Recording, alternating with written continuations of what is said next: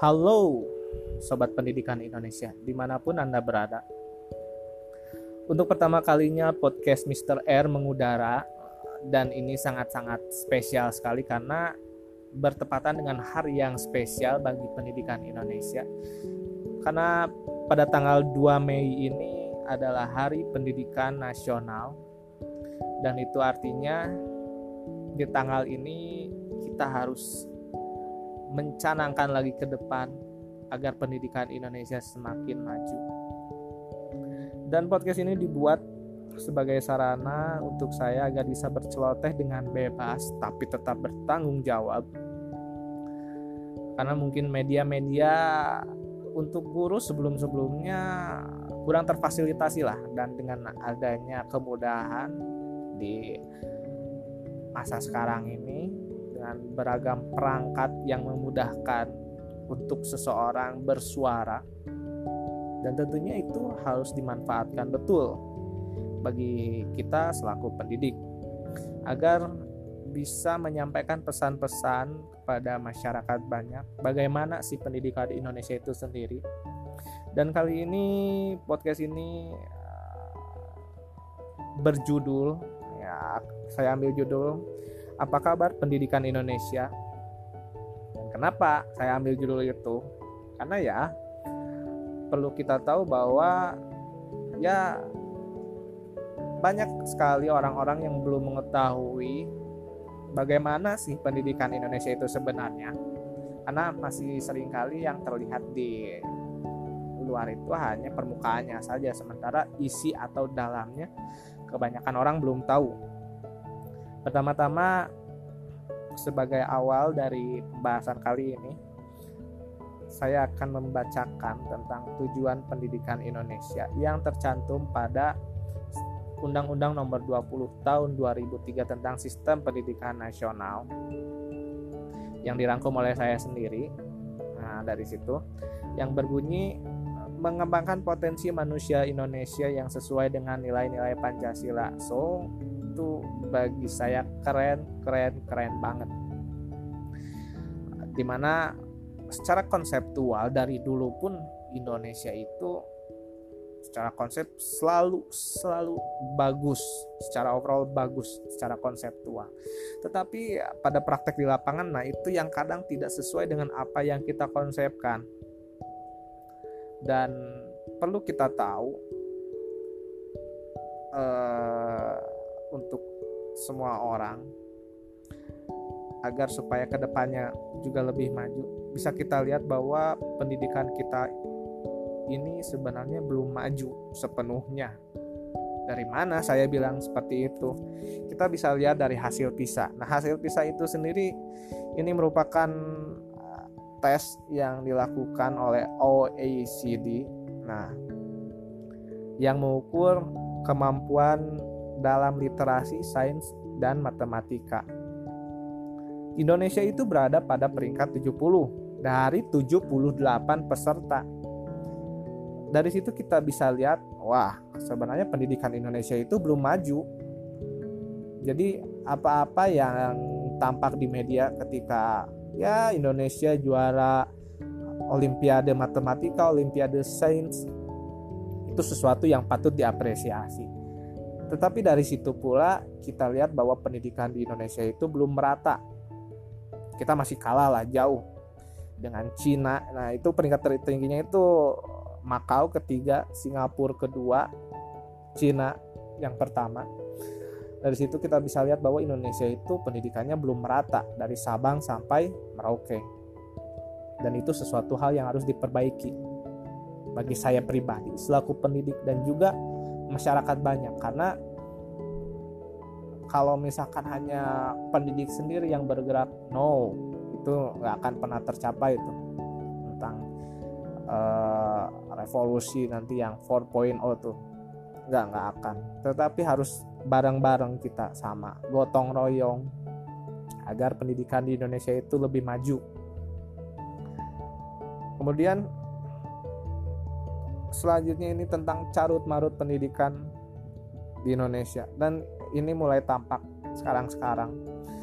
Pengaruh juga dari akibat globalisasi bahwa ya terkadang saya pun selaku pendidik sangat sangat sangat miris ketika melihat di media-media nasional apa yang dilakukan oleh anak-anak kami yang di luar batas kewajaran dari mulai tindakan amoral kemudian yang tindakan yang memalukan diri sendiri. Yang sering muncul di media-media sekarang dari mulai tawuran kemudian ada yang maaf siswa yang melacurkan diri kemudian terlibat dalam peredaran narkoba hamil di luar nikah tentu itu sangat-sangat miris. Dan ditambah lagi dengan aplikasi-aplikasi yang ada di HP sekarang pun terkadang ya banyak sekali yang memanfaatkannya menjadi sesuatu yang tidak benar gitu dalam koridornya. Tentu tentu pribadi saya sendiri sebagai pendidik ya bagaimana ya? Terkadang ada hati kecil bagaimana kita mau maju. Tetapi mindset di kita itu ya ya seperti itu kemudian ketumpang tindihan antara tugas guru PNS dan honorer. Nah, ini yang terjadi di lapangan ya dan ini juga cerita-cerita dari rekan-rekan profesi saya di mana ketika kebanyakan orang ketika menginjak dari status honorer kemudian menjadi PNS terkadang ada suatu mindset yang bisa dibilang berada di zona nyaman. Jadi ketika dia berada di masa-masa honorer yang giat, gigih dalam mengabdi pada negara, mengabdi pada pendidikan Indonesia ketika dia diangkat menjadi PNS atau pegawai negeri sipil gitu dia menjadi ya hilang semangatnya ya bekerja pun ya ya seadanya meskipun tidak semua karena masih banyak sekali orang-orang pendidik yang diangkat jadi PNS dia malah makin giat mengabdi pada negara dan itu suatu poin plus lah. Itu dan saya pun masih banyak belajar lah. Dan memang ketika di lapangan ya masih banyak lah tanpa merendahkan peran pendidik itu sendiri ya masih banyak lah. Atau beberapa lah yang yang kadang saya lihat ya pendidik itu yang ngajar yang ngajar seadanya gitu. Tanpa ada kemauan untuk berkembang. Padahal ya kalau misalkan pendidiknya saja tidak mau berkembang ya bagaimana nasib nanti anak-anak didiknya seperti itu. Dan ini fakta yang tidak bisa dinafikan lah. Seperti itu. Karena memang kenyataannya yang ada di lapangan ya seperti itu gitu. Yang saya alami pun seperti itu itu menjadi suatu rahasia umum lah untuk kalangan-kalangan pendidik. Dan mungkin miris juga gitu. Kalau saya sendiri ya saya berharap janganlah seperti ini terus. Karena kalau misalkan pendidiknya seperti itu ya bagaimana nasib bangsa kita lah. Karena kita ini sebagai garda terdepan lah untuk pendidikan Indonesia. Kemudian kemerataan pendidikan di kita itu masih sangat timpang lah. Apalagi mungkin untuk pulau Jawa dengan pulau-pulau yang lainnya itu khususnya untuk kualitas gurunya itu sangat timpang gitu. Dan kebanyakan terpusat di pulau Jawa. Dan sering kali kita lihat di media-media nasional bahwa guru-guru di daerah sana khususnya daerah-daerah seperti Papua mungkin ya atau daerah-daerah perhutanan seperti Kalimantan di mana mereka harus benar-benar berjuang. Dan dengan reward yang mungkin ya dibilang tidak layak ya sangat tidak layak lah. Banyak sekali seperti itu di mana mereka harus berjalan menyusuri hutan. Dan itu bukan sebuah hayalan atau dongeng tapi memang benar adanya seperti itu. Uh, saya pun adalah beberapa rekan ketika dulu mereka menjalankan program SM3T ya. Jadi seperti mengajar lagi di daerah terluar terujung seperti itu daerah-daerah pedalaman di mana mereka harus berjalan berkilo-kilometer dan memang ya miris sekali lah. Kebanyakan di kita terlalu tersilaukan dengan keadaan-keadaan yang mungkin kita lihat hanya di perkotaan gitu. Sementara di daerah-daerah terpencil sana ya sangat dibilang sangat minim sekali lah fasilitas pendidikan itu.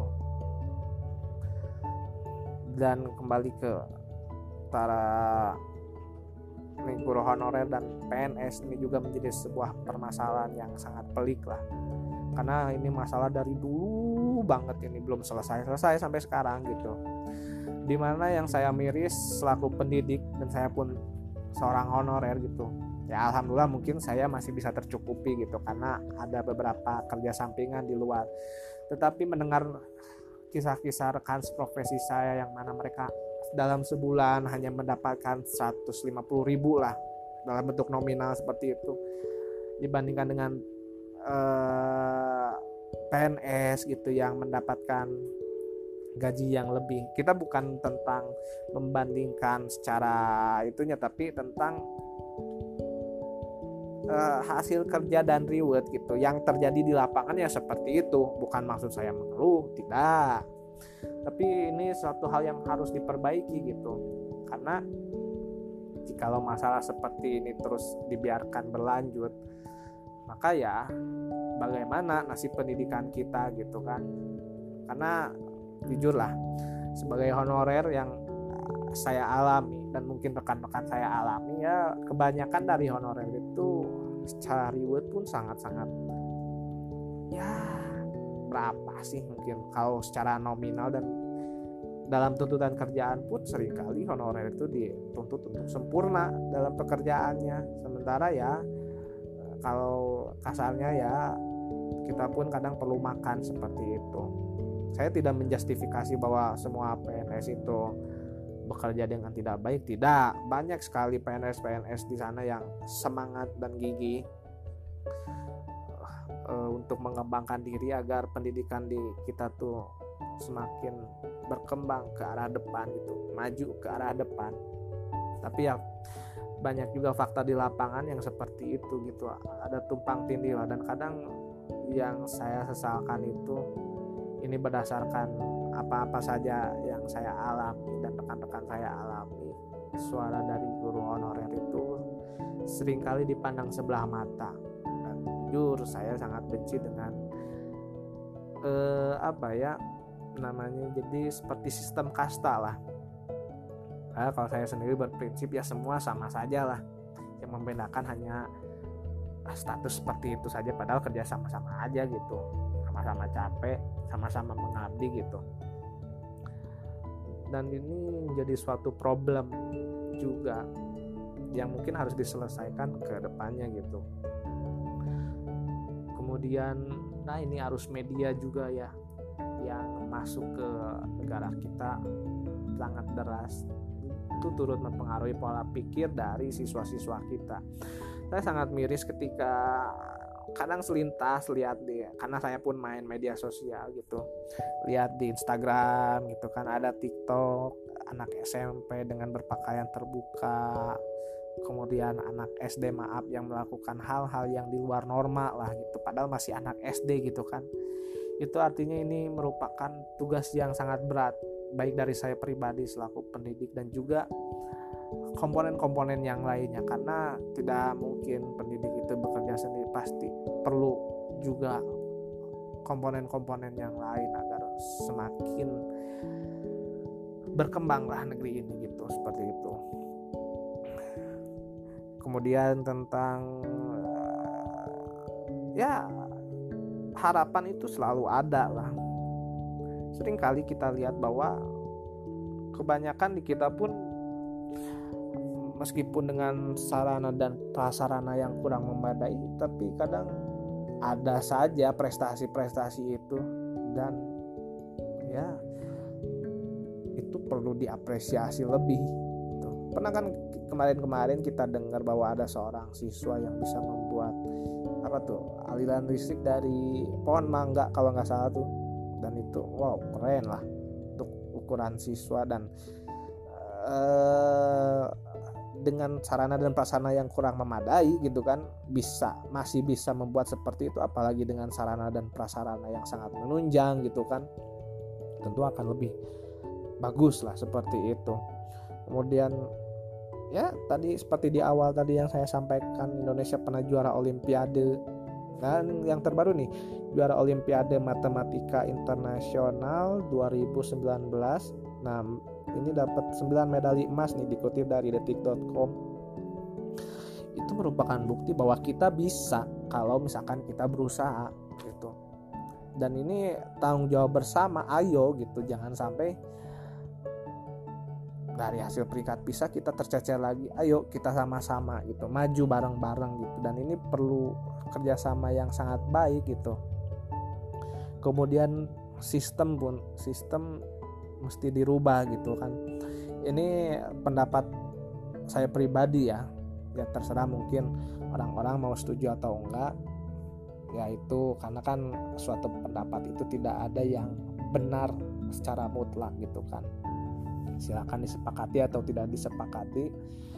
Tentang sistem administrasi nih yang sering kali memberatkan guru-guru gitu kan saya pernah baca-baca tentang pendidikan di Finlandia itu itu termasuk salah satu yang bagus di mana mereka itu ketika merancang rencana belajar itu tidak terlalu ribet gitu kan dan di kita sering kali diribetkan dengan sistem-sistem atau administrasi yang perlu dikerjakan bertumpuk-tumpuk gitu kan dengan kertas yang sebegitu banyaknya yang harus dilaporkan.